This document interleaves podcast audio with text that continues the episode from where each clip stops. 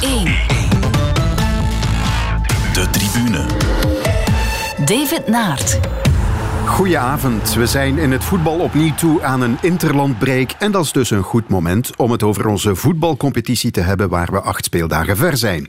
Mijn voetbalgasten vanavond zijn analist Gert Verheijen en Bart Laga, voetbaljournalist bij Het Nieuwsblad. Gert, Bart, goedenavond. David, goedenavond. Zullen we beginnen met de momenten van de week. Eerst dat van Bart. Nog 350 meter. Nu gaat de sprint op gang gebracht worden door de wereldkampioen. Mohoric doet niet meer mee. Hirschi, open aanval. Alaphilippe. Alaphilippe maakt een sweeper. Het is uh, Alaphilippe dat gaat winnen. Jawel. En komt daar Roglic nog over of niet? Komt Roglic hier nog over de streep?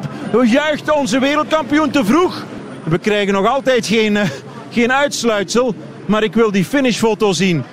Kijk, ze weten het zelf niet zou het zijn. Ik zie lachende gezichten bij Jumbo-Visma. Ik zie lachende gezichten. Is hij uitgeroepen tot winnaar? Ja, dat denk ik wel. Oh la la la la la. Julien Alaphilippe, beste vriend. Hier gaat Lefevre niet mee kunnen lachen.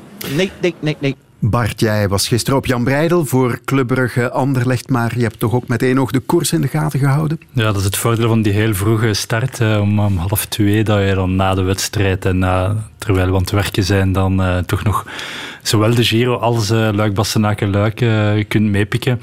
En ja, die sprint, we, we, kennen natuurlijk de, de sprints waarbij dat er een sprinter iets te enthousiast een, een, kwak uitdeelt aan de andere en gedeclasseerd geraakt. We hebben ook al wel eens een paar keer, dat is zeldzamer, maar toch al eens een paar keer gezien dat iemand te vroeg juicht, maar beide in dezelfde sprint, dat, dat, dat was een primeur. Maar uiteindelijk wordt hij gedeclasseerd. Uh, hij had er eigenlijk ook wel vrede mee, zijn, zijn ploeg ook. Hè? Ja, ik denk dat ze... Bedoel, het was te duidelijk. Ja, ik denk dat inderdaad uh, dat, het, dat het niet anders kon uh, dan die beslissing te nemen. Um, ja, ik dacht aan heel veel dingen. Ik denk ook, hij was duidelijk wel de, de sterkste renner bergop. Um, de, de finish was, of de, de, het einde van, van het parcours was veranderd. Uh, ik heb toevallig vorig jaar nogal bij de uh, de amateurs, nee, dat is overdreven gezegd, over de, de wielertoeristen, Luik, Bastenaken, Luik, alleen het slot gereden. En dan de Roger Faucon, ja, dat is gewoon de Maasvallei naar beneden en dan ben je binnen. Maar nu duurde het nog een tijdje, kwamen de Slovenen nog uh, aansluiten en, en kreeg je echt een hele spannende finale. En dan die sprint, ja, hij zal wel super zenuwachtig geweest zijn, Alaphilippe. Uh, maar dan toch dat je dan en, en die kwak uitdeelt en te vroeg juicht, dat, dat, vond, ik, dat vond ik wel heel, heel bizar hoe, hoe hij daar te werk is gegaan. Gert, jij was ook in Brugge. Heb jij nog iets van de koers kunnen meepikken? Uh, nee, want een voetbalanalist die, uh, kijkt dan onmiddellijk naar de volgende wedstrijd. Uh, Gent-Beerschot hebben we gekeken. Ja. En, en, dan Charleroi was dan daar nog. En dan nog KVO. Dus voor mij geen koers geweest gisteren. Nee, ik heb wel de finish gezien en, en die sprint nog eens gaan, gaan herbekijken. Omdat ik ook wel een liefhebber ben en graag naar de koers kijk. Maar, maar ik heb niet meer gezien dan, dan ja. de sprint. Wat mij opviel was Mathieu van der Poel, die zesde wordt in een koers die hij eigenlijk niet van plan was te rijden en dat een dag na zijn strafnummer in, in Gerardsbergen in de Bing Bang Tour. Dat had ik nog wel gezien. Uh, ja. Zijn strafnummer in de Bing Bang Tour. En uh, ja, je denkt altijd als, uh, als een renner zo ver van de finish alleen vertrekt, dat ze, hem gaan, dat ze hem nog gaan halen. En ik moet zeggen, dat dacht ik ook in de laatste 10 kilometer, dat ze, dat ze toch nog gingen bijkomen. Maar uiteindelijk niet en dat is, dat is fenomenaal natuurlijk. Ja, de vraag is inderdaad van als hij niet die inspanning had geleverd, hoe, waar was hij dan geëindigd?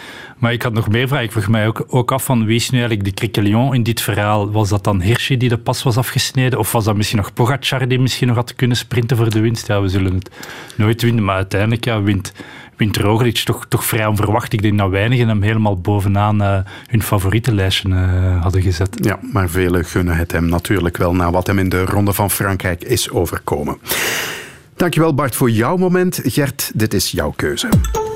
Ik begrijp waarom de club dit moet doen. Ik begrijp ook dat Jeremy dit een, een, goede keuze vindt. De situatie van Anderlecht is wel gekend. En als we morgen als ambitie hebben om concurrentie terug te doen met ploegen zoals Club Brugge en, en voor de top vechten, voor de titel vechten, dan weet iedereen dat we geen keuze hebben dan dat we op dit moment um, de, de, de moeilijke, dat we die moeilijke keuze moeten maken. En wat ik nog zeker wil toevoegen, is dat we één ongelooflijk geluk hebben, is dat we ik weet niet hoeveel jonge jeugd en talent hebben die nog zit aan te komen. Dat is ons grootste, in dit verhaal is dat hetgene dat, dat voor mij ook het project zodanig uh, rationeel ook um, eigenlijk positief kleurt. Maar Jeremy Doku is dus zo goed als zeker eh, weg. Het zijn de laatste uren van uh, de laatste transferdag. Uh, Gert, je hebt dit gekozen omdat je het ook wilde contrasteren met wat er bij Club Brugge gebeurt. Ja, eigenlijk wel. Het geeft nog eens aan hoe, uh, hoe ver de twee clubs eigenlijk uit elkaar liggen en wat de ene club op dit moment zich kan permitteren om, om sterkhouders zoals Mignolet en, en Van Aken langer aan zich te binden en nog eens een nieuw contract te geven. Een verbeterd contract neem ik dan aan. Normaal is dat toch zo. Um, en goed, Anderlecht uh, vooraleer daar terug aan uh, te kunnen gaan denken, aan, uh, aan opnieuw op dat niveau te komen, dat je eerst moet zorgen dat je bankrekening aangezuiverd wordt. Um, ik begrijp die transfer absoluut. Hè. Ik denk dat... Mm -hmm. We mogen nog niet te vroeg praten, maar goed, we gaan ervan uit dat het in orde komt. Maar echt officiële bevestiging van de Anderlecht kant is er nog niet. Maar we nemen toch aan dat het, uh, dat, dat in orde komt. Maar het is, uh, ja, het is natuurlijk uh, voor hetgeen waar, wat ze van plan waren, is dan misschien pijnlijk, die, die vaststelling, maar het kan gewoon niet anders. De kaart van de jeugd trekken. Ja, natuurlijk. Ja. En, dan, en hun beste, beste jeugdspeler, hè, want dat, is, dat was absoluut zo. Hij stond het verste van, mm -hmm. van al die jongens. de vraag is waar die andere jongens uiteindelijk kunnen, kunnen uitkomen. dat het allemaal even grote talenten zijn. En wat Company zegt, van er komen er nog veel aan.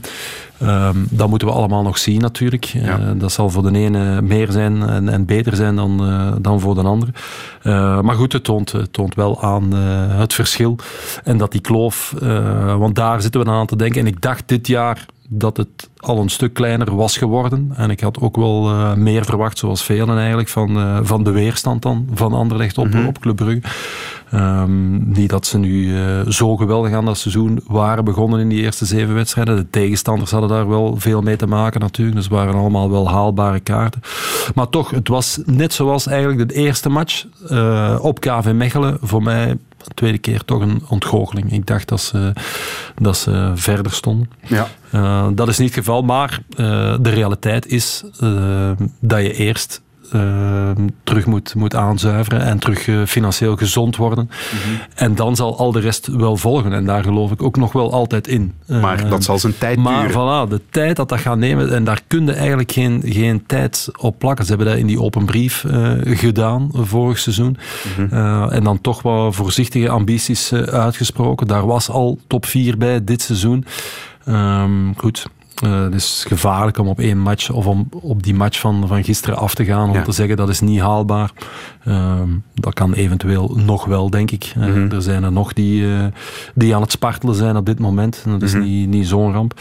Um, maar goed, uh, het is toch een, uh, ja, een kwestie van tijd, denk ik. En, en er zal tijd nodig zijn. En een tweede vraag die ik me dan, dan stel eigenlijk is naar, naar Company toe. Hè, want nu als trainer, hij kan leven met het, met het project en ook met die verkoop. Hij gaat daar absoluut van op de hoogte zijn geweest en dat het, uh, dat, dat niet anders kan. En hij kan er nu ook nog mee leven.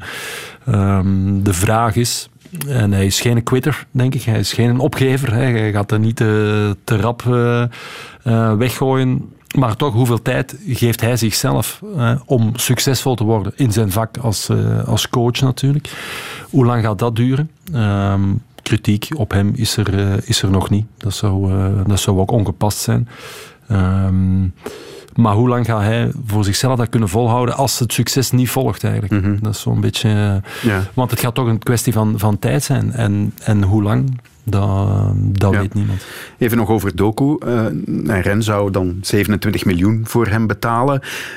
Vind jij dat veel voor die speler op, dat, op dit moment? Ik vind dat veel, ja. dat is allemaal rap gezegd. En natuurlijk hebben we met, met David, de transfer van David, dat is uh, in, die, uh, in die orde grootte geweest. En dan vinden we dat al snel weer al normaal. Uh, maar mag niet vergeten, een speler uit België die vertrekt voor, voor 25 of 30 miljoen. Dat is toch gigantisch veel geld. Dus ja, ik blijf dat veel geld vinden. En in transfers mag je nooit zeggen, want er zijn mensen die redeneren van ja, als je nog een jaar houdt of nog twee jaar, dan kan je verkopen voor 40 of voor 50. Ja, zo werkt het niet. Ik zie nog niet direct een speler in Bel uit België vertrekken voor 40 of voor 50. En uh, hij kan morgen gekwetst geraken ook. Hè. Ja. Dus hetgeen dat je, nu, dat je nu hebt, daar ben je zeker van. Hetgeen dat je binnen een jaar eventueel kunt krijgen, dat weet je nooit. Mm -hmm. omdat, uh, omdat, omdat er met de gezondheid van, van een voetballer uh, van alles kan gebeuren. Ja. je zei daarnet dat je had gedacht dat op sportief gebied de kloof tussen Club Brugge en Anderlecht kleiner zou zijn geworden. Als we kijken naar de financiële kloof, ja, die lijkt al maar groter te worden natuurlijk. Club Brugge dat zich kan permitteren van, oh, er is belangstelling voor Mignolet en Van Aken passen Ja, dat is zo. En die kloof zal er nog wel een tijdje blijven natuurlijk. Maar je moet in eerste plaats aan de kant van Anderlecht dan terug, terug uh, gezond worden. En dat je toch uh, minstens op de transfermarkt weer, uh, weer van alles kan, kan doen. Samen met het project van, van uw beste jongeren zeker te gaan gebruiken. En niet te laten blokkeren door transfers. Dat denk ik dat nog altijd de bedoeling zal zijn. Um, en dat is alleen maar, maar toe te juichen. Enige vraag is, wat is, wat is de aanvoer? Hè? Wat Compagnie zegt, er zit er nog veel aan te komen. Ja, dan, uh, dan zijn we benieuwd naar de, naar de aanvoer. Omdat ik zoiets heb, een toptalent à la Doku, ja, dat is toch niet voor elk jaar. Ja. Uh, moest, dat, uh, moest dat waar zijn, dan, dan zouden er heel veel clubs elk jaar een, een toptalent in hun kern hebben of tussen de lijnen hebben. Dat is zelfs bij de, bij de allergrootste clubs in Europa niet het geval. Ja. Ehm, dus ja, alles hangt af van, van de aanvoer, wat er, uh, wat er aan zit te komen en wat dat dan het exacte talent is of uh, hoe goed ze dan effectief wel zijn. Mm -hmm. uh, Bart, geloof jij echt dat Hans van Aken graag naar West Ham was gegaan, zoals hij vandaag bij jullie zegt in de krant? Wel, ik dacht eerst dat het uh, op een beetje doorgestoken kaart was. Uh, dat je wel eens meer ziet van, oh er is interesse voor een speelhub. En de, de volgende dag tekende hij een contractverlenging. Maar ik heb toch wel begrepen, ook uit de entourage, dat hij er heel ernstig over nagedacht heeft. Dat hij Londen ook wel een aantrekkelijke stad zag. Dat hij dacht van als ik het ooit zou moeten doen, is dit misschien wel mijn kans. Hè. Hij wordt, wordt ook niet, niet jonger op, dus hij heeft toch wel iets in zijn achterhoofd van uh, ja, misschien toch ooit eens enzovoort. Van de andere kant denk ik nu ook wel dat op het moment dat Club dan het aanbod doet van kijk Hans, wij zijn bereid om een inspanning te doen, dat hij er dan ook wel, uh, wel vrij snel uh, zich er kon bij neerleggen om bij Club Brugge te blijven, laten we het zo zeggen. En eigenlijk moet je inderdaad ook de vraag stellen bij ook in dan is West Ham wel de ploeg voor Hans van Aken? Dan denk ik niet. En ik denk vooral, Club Brugge zou hem nooit verkopen, uh, zeker niet aan zo'n ploeg. Um, want ja, Club kan Hans van Aken onmogelijk vervangen op dit moment voor, voor welk geld ze ook krijgen. Hij is niet alleen hun draaischijf, ook qua statistieken qua doelpunten, hij is al twee jaar op rij een topschutter. Dat zegt eigenlijk genoeg. Dat zegt ook wel iets over de kwaliteit van de aanvallers uh, die Club Brugge de laatste jaren heeft gehad. Maar uh, ja, ik denk dat Hans van Aken voor Club Brugge te belangrijk is en, en, en onverkoopbaar is. En dat daarmee het hele verhaal van Aken eigenlijk verteld is. Mhm. En moeten ze het contract van Ruud Vormer nog verlengen? Wel, uh, daarop zei uh, zelfs Ruud Vormer zelf dat hij wel, wel een voorlopig goed contract had. Uh, dat zei ook Philippe Clement. Ik vond hem wel heel goed uh, gisteren. En, hij was eigenlijk, een, ik heb ook geschreven stuk, een voorbeeld voor sommige andere lichtspelers, ook op het middenveld. Van kijk, dat is eens, uh, zo speel je een topper met die inzet, met die. Hij was overal op het veld terug te vinden. Hij, ja, hij heeft natuurlijk ook die leepheid en die ervaring, dat zag je bij die penalty, maar ook die traptechniek, wat het, bij hem het gevolg is van erop te blijven oefenen, oefenen, oefenen. En dat dat doet hij vandaag nog, nog altijd. Dus in die zin is hij echt wel, een, wel een, een voorbeeld, denk ik, voor, voor, mm. voor, voor, sommige jongeren. Zijn contractverlenging, ik denk dat hij van jaar tot jaar moet. Uh, is nu 32. Hij is 32. Hij, zijn contract loopt nog op twee jaar door. Dus ik denk dat dat op zich wel niet veel uh, eh, 32-jarigen kunnen zeggen dat ze een, een, contract tot hun 34ste hebben bij een topclub. Dus dat dat op zich wel, wel oké is. Um, er komt nog een moment dat Vormer niet meer goed genoeg zal zijn voor de eerste ploeg van Club Brugge. Maar hij heeft gisteren bewezen dat hij absoluut nog een nieuw seizoen aan kan. En, en hij slaagt er toch in om te blijven bevestigen. De tribune. Radio 1. We blijven bij Club Brugge en Anderlecht en het onderlinge duel van gisteren. En over die wedstrijd kunnen we eigenlijk zeggen dat het een topper was die er nooit een was. Hè? Gert straalde ook het gevoel niet uit van een topper. Nee, uh, het begint natuurlijk op de tribunes. Hè. Geen vol stadion is, uh, is anders natuurlijk. Uh, maar goed, het verschil uh, tussen de twee was, was te groot. Je had nooit het gevoel dat Anderlecht echt dreigend kon zijn. Dat was gewoon uh, te weinig. En, uh, en Club was gewoon uh, degelijk en op niveau zonder dat ik ook echt het gevoel had van nu, uh, nu duwen ze 100% door. Uh, dat, was, dat leek mij ook niet dat ze dat echt deden. Maar ze waren wel heel, heel goed. En wat er absoluut terug aanwezig is, is dat, dat sterkhouders allemaal terug op hun niveau zijn. En dat is ook niet toevallig dat die dan gisteren elke goal maken met Van Aken, met Vormer, met, met Diatta. Mm -hmm. um, Maar dat is gewoon heel degelijk en een, een verschil in, uh, in métier en in uh, mannelijkheid. Hè. Ik denk dat, uh, dat Anderlecht had wel een heel lichte brigade in de basis 11. Um, en dan word je vooraleer dat je aan voetballen kan denken, eigenlijk in de eerste plaats gewoon aan de kant gezet ook. er waren te, te veel duels. waar zij het moesten afleggen. En dan, dan kan je niet aan voetballen beginnen, denk ik. Ja. ja dan zie je dat zo'n Arnstad in de basis staat. Dan, dan, dan vraag je je af, ja, waarom, wat is het idee erachter? Ik zie er dan twee verklaringen voor. Ofwel is Vincent Company iemand die zozeer in zijn jeugd gelooft dat hij denkt van ja, hij zelf heeft ook ooit op die jonge leeftijd bij Anderlecht gedebuteerd. Maar natuurlijk heeft niet iedereen dat talent en die gave van Company om direct in die topmatchen er te staan. Uh, je kan van die jongen gewoon simpelweg niet meer verwachten. Ofwel was het een soort statement van kijk, op dit moment hebben we ook niet beter. Mhm. En je ziet dat ze vandaag nu een, uh, een jongen, een Ier uit, uh, van West Ham, die vorig jaar op uitleenbasis speelde bij Charlton in de Championship, maar toch een bescheiden ploeg uit de Championship. Die komt nu over naar Anderlecht ja, ze, halen dan wel iemand, type Trebel zou het moeten zijn, maar wat is die jongen waard? Hij kost nog geen miljoen euro en ik ben de laatste om de kwaliteit van spelers gewoon gelijk te stellen met de transferwaarde. Maar meestal in het voetbal geeft dat toch een belangrijke indicatie. Ja, dan zie je dat het gewoon qua kwaliteit uh, te weinig is. En, en, zeker op dat middenveld, denk ik, waar ze gisteren wel duidelijk uh, onder lagen, waar, waar de wedstrijd vrij snel beslist was in het voordeel van Club Brugge. Ja, er wordt vaak gesproken, ook hier aan tafel vandaag, over de jeugd van Anderlecht. Maar ook Philippe Clément trok gisteren de kaart van de jeugd. Philippe Clément, 3-0 overwinning, heel duidelijk, dominant. Wat, waar, waar ben je nu het meest tevreden over na zo'n prestatie? Over veel dingen, maar ik denk uh, de ervaring die onze jonge jongens kunnen opdoen. Hè. Je begint met een spits van 18 jaar, een centrale verdediger van 19 jaar. En flankaanvaller Michelle de Ketelaar van 19 jaar. Dus voor hen zijn dit heel belangrijke uh, wedstrijden om die ervaring op te doen en beter te worden. En, en je ziet ze heel hard groeien het voorbije, voorbije jaar. Wou Philippe Clement hier een punt maken? Wou een beetje wel, omdat hij ook uh, van de andere kant misschien wel iets verwacht dat het daarover uh, over gaat. Dus uh, ik denk dat hij zijn collega wilde voor zijn. En, uh, en goed, hij heeft ook, ook een punt natuurlijk. Hè, want uh, met de ketelaren, met Badji, met Diatta, dat is inderdaad, dat zijn ook allemaal jonge gasten. Dat is ook maar 18, 19, 21 jaar. Goed, de gemiddelde leeftijd van de ploeg van, uh, van club was gisteren 25 jaar. Van Anderlecht was 23,3 kunnen erover discussiëren of die uh, anderhalf, zullen we maar zeggen, of dat dat een groot verschil uh, maakt.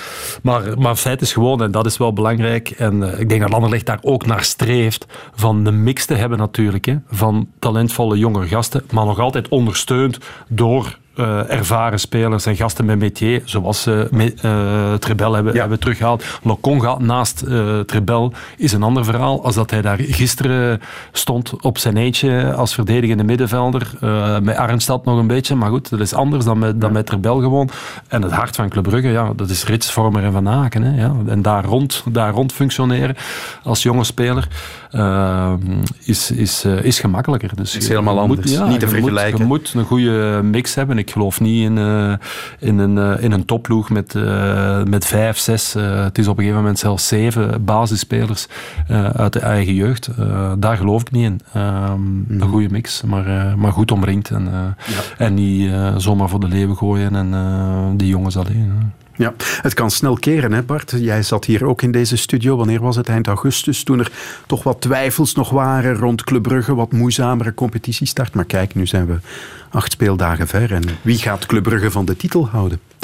Ja, maar uh, ja, net zoals we toen misschien niet te voortvarend mochten zijn. Maar van de andere kant, dat is nu eenmaal de journalistiek. En zeker de krantenjournalistiek. Je, je, je, beoordeelt gewoon de wedstrijden zoals die geweest zijn. En je moet wel zeggen dat ze heel met de verkeerde instelling, kan je nu wel zeggen, aan dat ja. uh, nieuwe seizoen zijn begonnen. Zeker die bekerfinale, hoe ze daar gespeeld hebben. Ja, toch, hoe ze die prijs daar uh, te handen laten glippen was, uh, was onaanvaardbaar. Maar dus ook in de competities verlies dan onder andere van Charleroi, dat dan nadien ook wel bevestigd heeft als zijn een, een hele goede ploeg. Maar uh, ja, ze waren, dat hebben de spelers ook achteraf toegegeven, dat ze eigenlijk met de verkeerde instelling uh, aan een nieuwe seizoen waren begonnen. Maar ik denk dat ze nu stilaan naar het beste niveau groeien op het juiste moment, want de Champions League komt eraan. Ehm, wie houdt ze van de titel?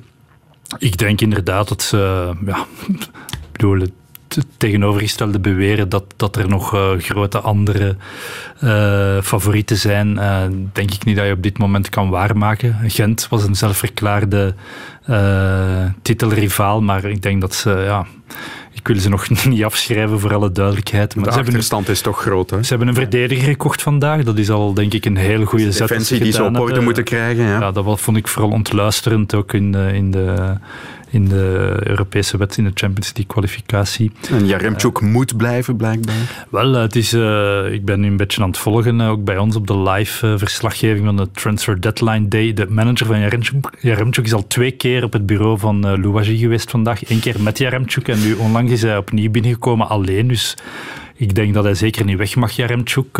misschien dat hij daar wel op aanstuurde, maar er zullen dus plooien moeten worden gladgestreken. Ik vraag me af hoe hoe dat verhaal gaat evolueren. Want hij is op dit moment toch waarschijnlijk de meest belangrijke speler. Mm of een van de voor agent. Blijft me ook altijd verbazen in verband met die transfers dat het altijd de laatste dag is. De laatste uurtjes en de laatste minuten dat zo'n dingen nog moeten gebeuren. Hè. En of dat die transferperiode nu eindigt eind september of eind oktober. Als je ze tot eind november laat doorgaan, dan is het de laatste dag van, van november. Hè. Dus, dus, ja, ik heb zoveel tijd om iets... Ik weet dat wel, het gaat allemaal De media smullen er wel van. Het drukken van de prijzen en, dat soort dingen. Maar het is toch, uh, ja, is toch straf dat ja. we dat helemaal op het einde moeten doen. Nog even over Club Brugge. Moet daar nu nog iets bij? Moeten ze nog iemand halen? En, ze zijn, en op welke positie dan? Ze zijn bezig met uh, Noah Lang uh, van Ajax, een 21-jarige flankspeler. Rechtervoet die dan op links speelt en naar binnen komt. Een beetje het type speler die ze al de laatste jaren hebben gehad. Met Izquierdo, Limbombe, uh, Danjuma. Het is een hele reeks van, van die jongens die ze dan ook halen van het idee van daar paar jaar van te profiteren en dan, en dan voor een mooie som te kunnen uh, verkopen. Ik had begrepen, het is nog niet rond voor alle duidelijkheid, maar het zou hier ook gaan om een huur met verplichte aankoopoptie. Dus dat, wijst er ook wel op dat Club Brugge, en want we hadden het daar net over die financiële kloof, ook niet zomaar een, een zware financiële investering heeft gedaan. Uh, ik denk dat ze hun geld vooral in het behoud van Van Aken en Mignolet hebben moeten steken. En waar iedereen dacht, ze hebben vorig jaar Mignolet gehaald, ze gaan nu bijvoorbeeld een spits van de Premier League halen. Er werd dan al hardop gedroomd over Benteke, Batshuayi. Dat we vandaag moeten vaststellen, ja, er is nog een verschil tussen een, een doelman van de Premier League halen en, en een spits. En ik dat Club Brugge daar heeft moeten schakelen en zegt, oké, uh, we moeten ons, onze centen investeren. Zeker ook door corona zijn er minder inkomsten in behouden wat we hebben. In die contractopwaardering voor Van Aken Mignolet, dat dat heel belangrijk was. Mm een beetje hopen op, op die jongeren. Hè. Uh, de ketelaren, Kosun, Badji, dat die er wat doorkomen. En dan nu aangevuld ja, met, die, met die... En ik denk wel dat dat een goede zet is, dat er toch nog een beetje... Um, het is iemand die wel wat diepgang heeft, die een actie heeft. Dat, vooral in het begin van het seizoen misten we dat bij, bij Club Brugge. Um, uh, jongens zoals Dennis en Diatta, buiten die twee hebben we die eigenlijk niet bij Club Brugge. Dus neem die twee weg en ze verliezen al heel veel van... Uh, van uh, creativiteit en, en mm-hmm. diepgang. Um, dus ja, hopelijk uh, is dat een goede zet geweest in Noah Lang. Er zijn wel wat twijfels over uh, links en rechts over zijn, zijn, zijn mentaliteit. Maar ik denk, ja, je moet die jongen natuurlijk alle krediet geven als hij bij Club Brugge zou beginnen. Nee, dat is absoluut ook het type speler dat zeer goed in de markt ligt. Hè. Dus naast de spits is dat, is dat hetgeen dat eigenlijk eh, het meeste geld opbrengt als ze het een bepaalde periode goed doen eh, bij een club. Flank uh, aanvaller met een actie. Als je dan nog een paar assists en een paar goals kunt maken, zijn er heel snel heel veel geld waard. Ja. Laten we het nog even over Anderlecht hebben. Gert, je hebt het al even aangeraakt daarnet. De top 4, play-off 1, wat met zelfverklaarde doel eigenlijk was, dat wordt wel moeilijk hè, dit ja, seizoen. maar goed, dat, kun, dus, dat, is nu omdat je nu net uit die match uh, tegen Club Brugge komt natuurlijk. Uh, ik heb ze er wel ingezet voor het seizoen. Want we moeten uh, ook voor de krant altijd een gokje wagen voor het seizoen. Dan heb ik ze er wel ingezet, omdat ik ook geloofde dat het echt wel beter zou gaan dit jaar. Um, dus ja, ik wil dat ook nog niet te snel opgeven. Maar zoals het er nu uitziet, ja, je hebt Club Brugge, Charleroi. lijkt me toch ook wel een, een zekerheid tenzij ze op een bepaald moment helemaal zouden instorten. Maar als je zo start, dan, uh, dan ben je er meestal ook op het einde nog wel bij. Um, goed, en dan, dan, dan, komen er nog andere bij, zoals Antwerpen, die, uh, die stilaan uh, ja. op toerental en, en komt. Standaard doet het eigenlijk goed. Als Standaard, zoals, ja. zoals ze nu spelen. Um, dan denk ik, als je niet wisselvallig terug begint te worden. Als je dat aanhoudt, dat niveau, dan, dan verwacht ik standaard er ook bij eigenlijk. Ja, even over Antwerpen. Jordan Lukaku is neergestreken op de Bosuil. Mhm. ja, ik zeg het hier ook net. Mhm.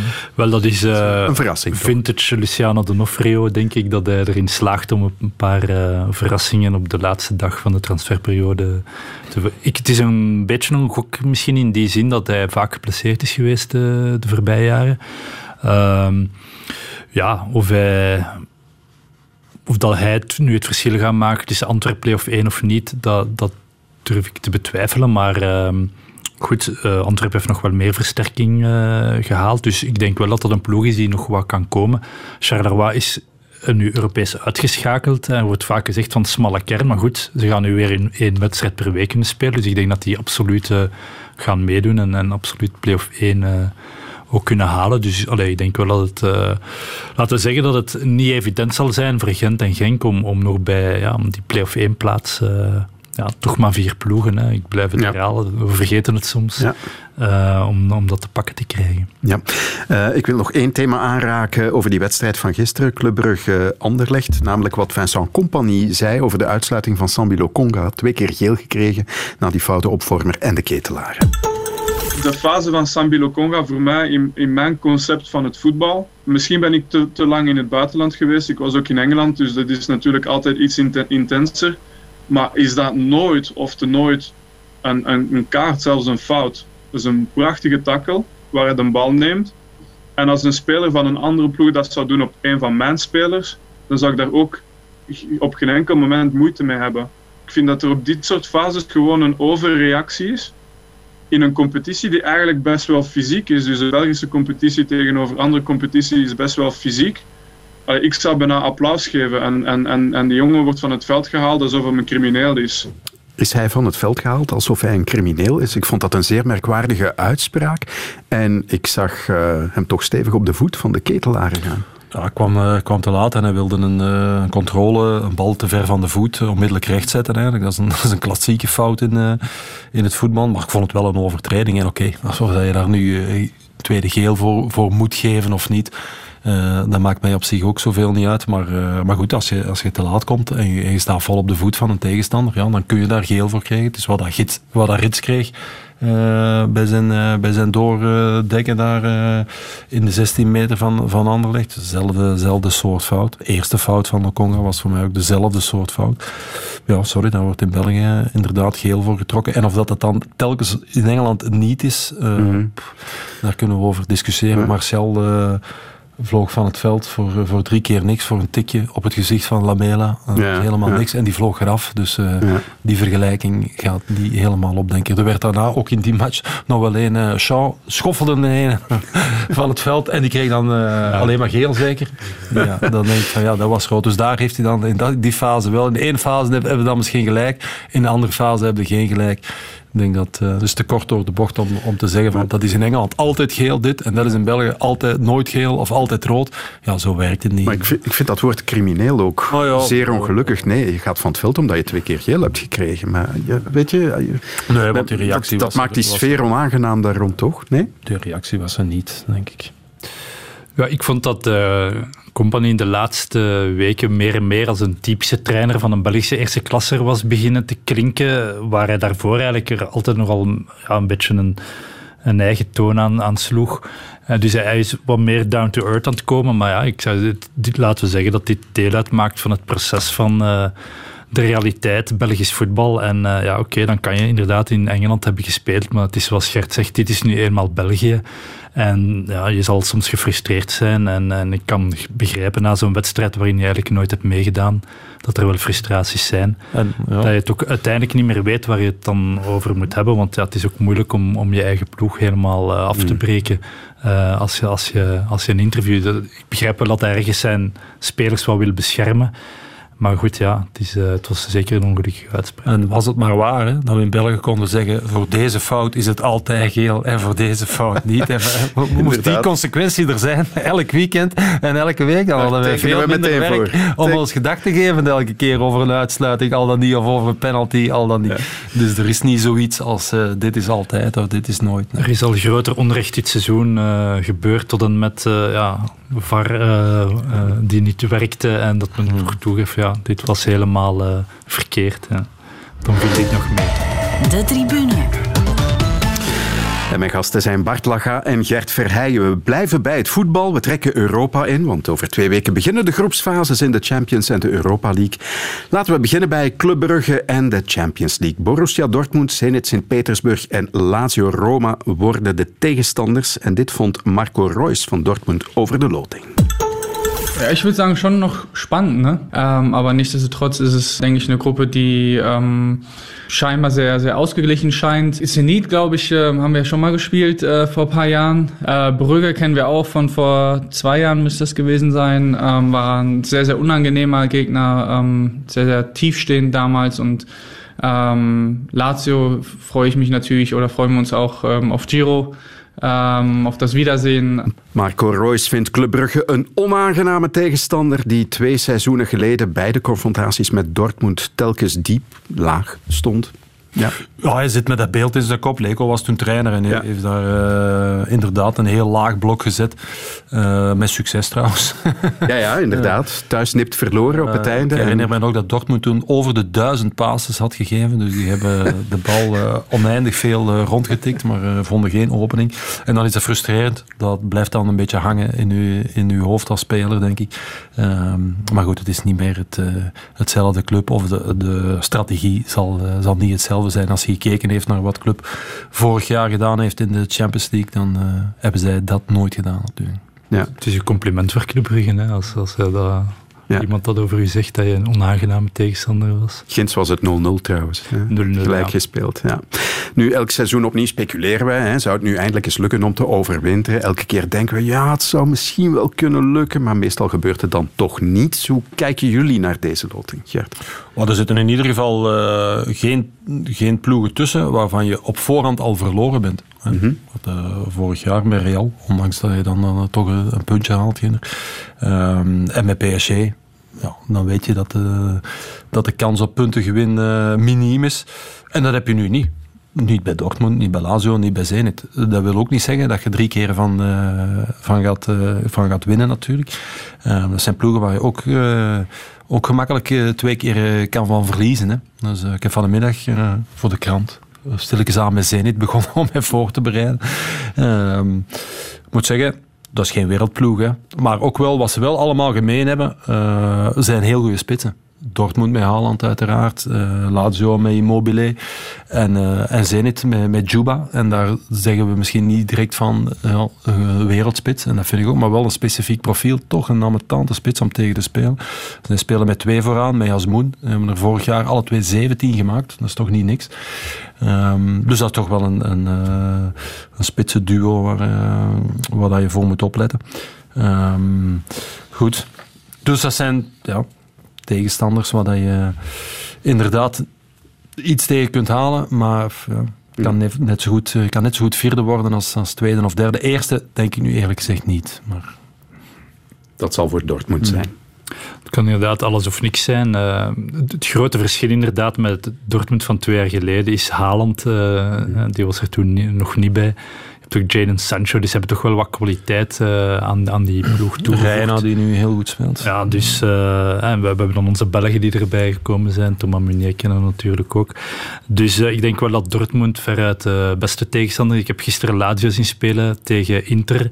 Het is ook een ploeg die vorig jaar toch ook in de titelstrijd verwikkeld was. Dus ja, dan, dan ben je toch ook uh, niet slecht bezig. Mm. Immobile, uh, Milinkovic-Savic, die we nog kennen van Racing Genk, toch een van de meest naar de middenvelders die we hier de laatste jaren op onze velden hebben bewonderd, die daar nu toch de sterkhouder is.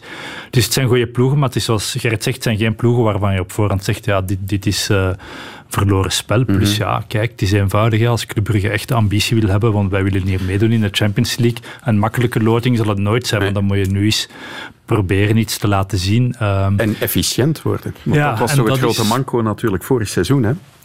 De smet op wat uiteindelijk een heel goede campagne was. Ja, zeker. En belangrijk ook in dat soort matchen is natuurlijk ook geen fouten maken. Hè. Ik denk dat, uh, dat zie je telkens in die match. Het zijn, zijn vaak details die beslissen, stilstaande fases, dat soort, dat soort dingen. Maar ze hebben het uh, vorig jaar, als je kijkt naar, naar het spel en de weerstand dat ze konden bieden, ook tegen die allergrootste, vond ik best wel, uh, best wel oké. Okay. Ook de durf en het lef waaraan de strategie van, van wedstrijden, waaraan, hoe dat ze die aangepakt hebben, dat vond ik, dat vond ik zeer goed. Maar het blijft ook ja, voor die vier. Uh, van die vier blijf je wel de club met het kleinste budget. Hè? Want we spreken hier in België over uh, een club die, die financieel de sterkste is, en dat is absoluut waar. Maar als je dan op dat, op dat niveau gaat spelen, dan ben je plots weer, weer een kleintje natuurlijk. Hè. Zenit koopt vorig jaar Malcolm uh, voor 40 miljoen hè, van Barcelona. Ja. Dus ja, maar zeggen. Ja. Lovren van Liverpool. Um, ja. Misschien, misschien niet de beste reputatie bij Liverpool op het einde, maar het zijn toch wel spelers waar, waar je iets mee kan doen. Nu, Uiteindelijk hebben ze vorig jaar lof geoogst, uh, Club Brugge terecht, maar hadden ze toch ook maar, maar drie punten. Oh, ja. Dan zijn ze eigenlijk door het kleinste gaatje maar derdes geworden.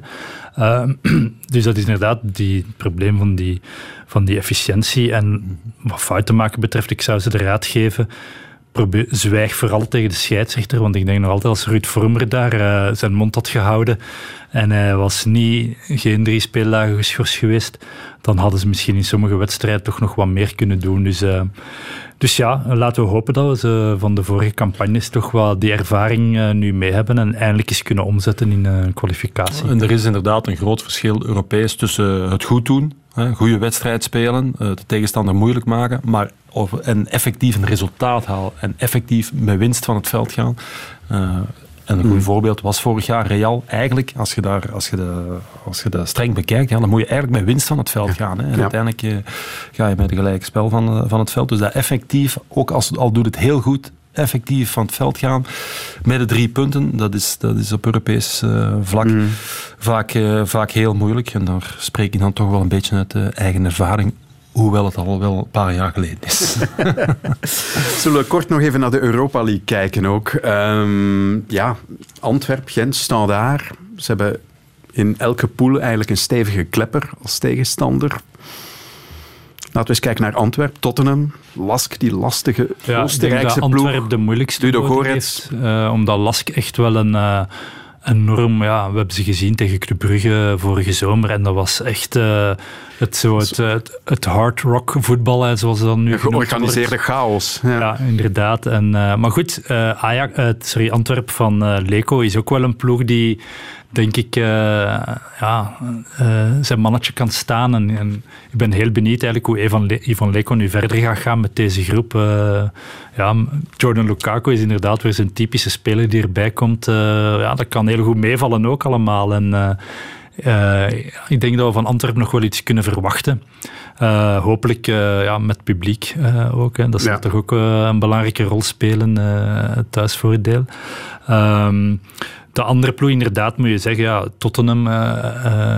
Ja, dus, dat hebben, Buiten categorie. hebben we dit weekend gezien. Uh, ja. Dat Mourinho toch nog niet afgeschreven is als trainer, blijkbaar.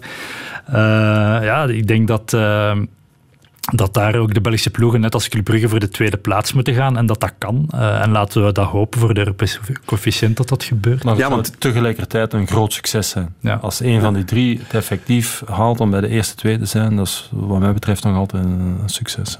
In deze groepen zoals ze samengesteld zijn. Ja.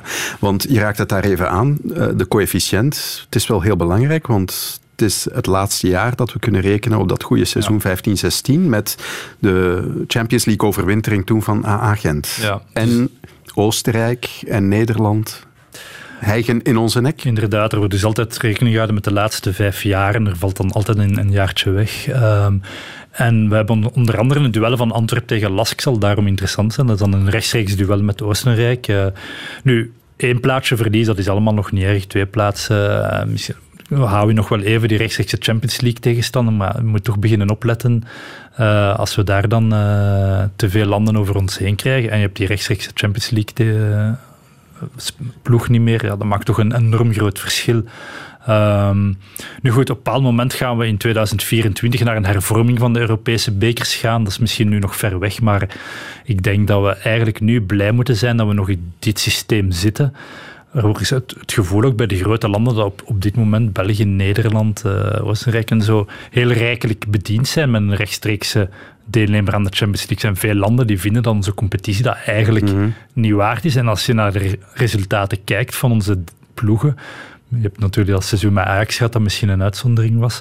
Dan moet je zeggen, ja, misschien ook wel terecht dat we daar ook niet altijd onze plaats hebben. Dus ook daarvoor komen dan nu wel weer terug bij Club maar dat, dat het daar ook, ook wel belangrijk is om te laten zien van nee, die, die Belgische, Nederlandse ploegen die kunnen daar nog wel iets scoren. En ja, daarvoor zijn dus vooral de Europa League resultaten belangrijk, want die dragen verhoudingsgewijs veel meer bij tot de coëfficiënt.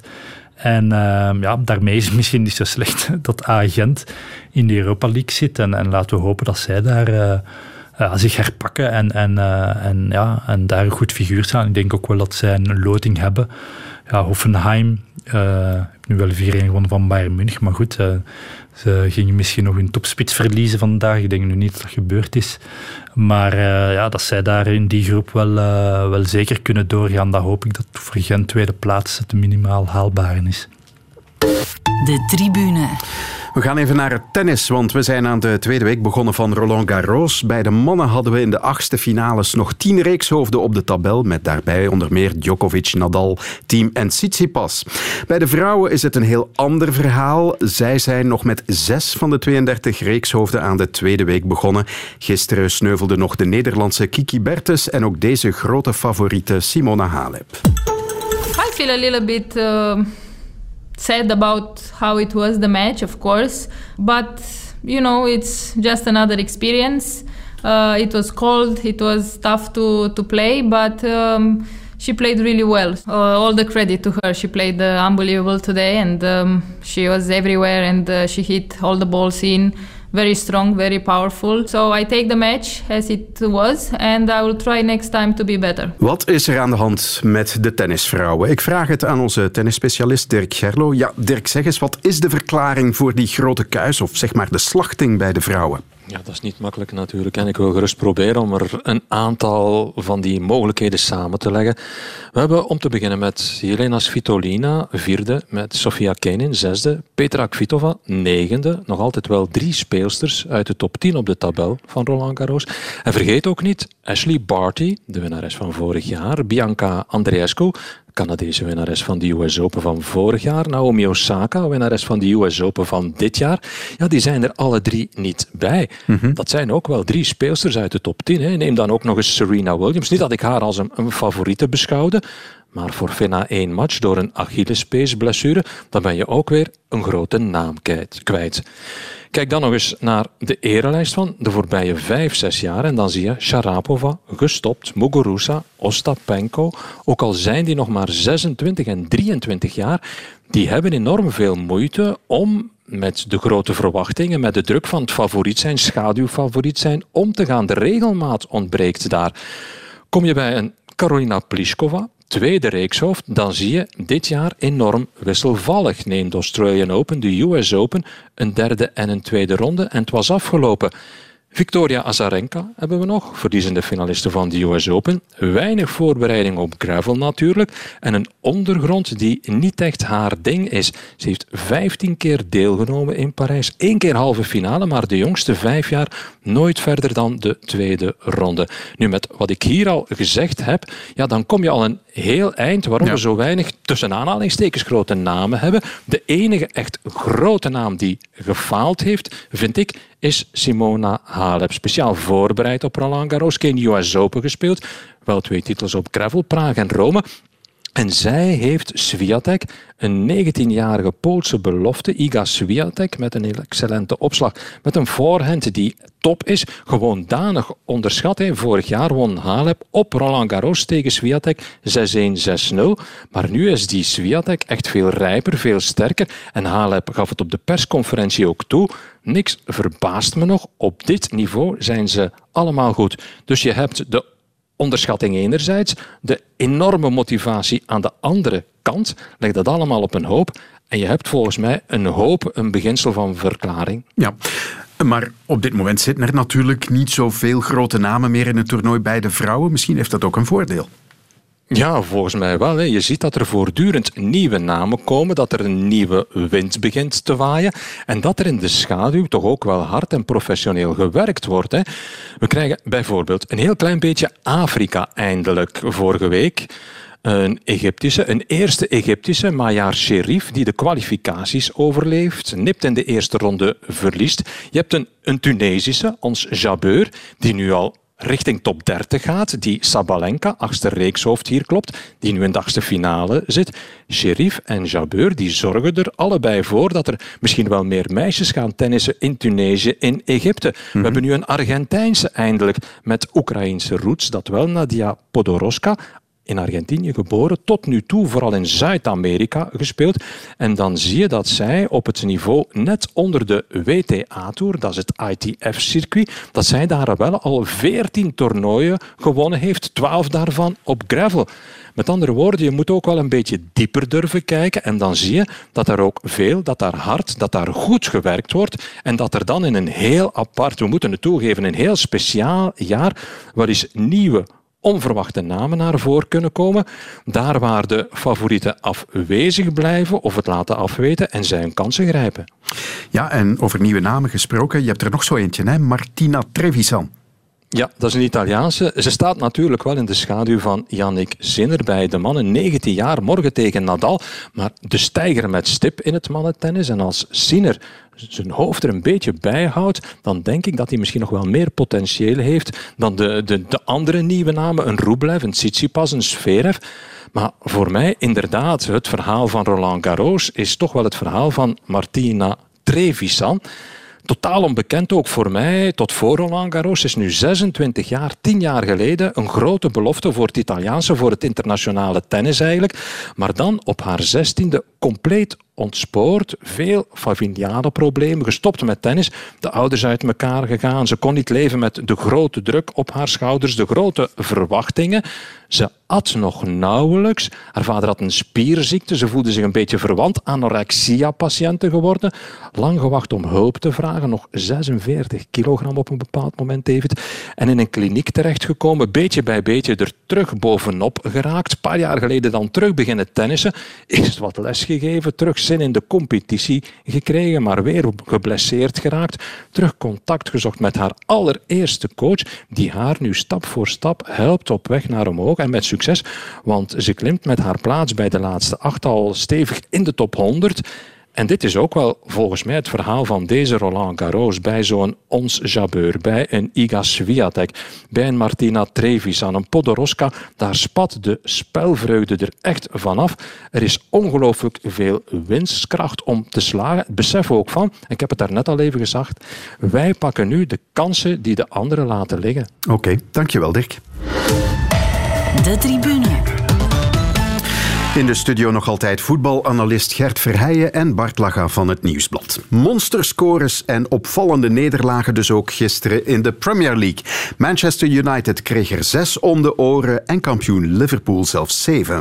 It is Monday morning, the 5th of October, and it was a weekend in which football went a little bit crazy. Oh, Maguire's header didn't necessarily have the legs to reach Lamella. Hesitancy at the back, and it's been seized upon. The ball is played out from the back by Adrian, and now Villa have won it back. Watkins in the middle with a chance, he scored. Tottenham have won the ball from the back, he's pulled out to Kane.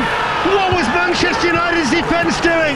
Watkins onto his right foot, oh scores 2 0 Villa. Harry Kane runs up now, right footed, and blasts the ball home. It's Manchester United 1, Tottenham Hotspur 6. Grealish for 7, a little dink, a cheeky finish. It's 7 for Aston Villa against the champions. 7-2 in Aston Villa, Liverpool 1-6 in Manchester United, Tottenham. Ja heren, wat was er aan de hand gisteren in de Premier League?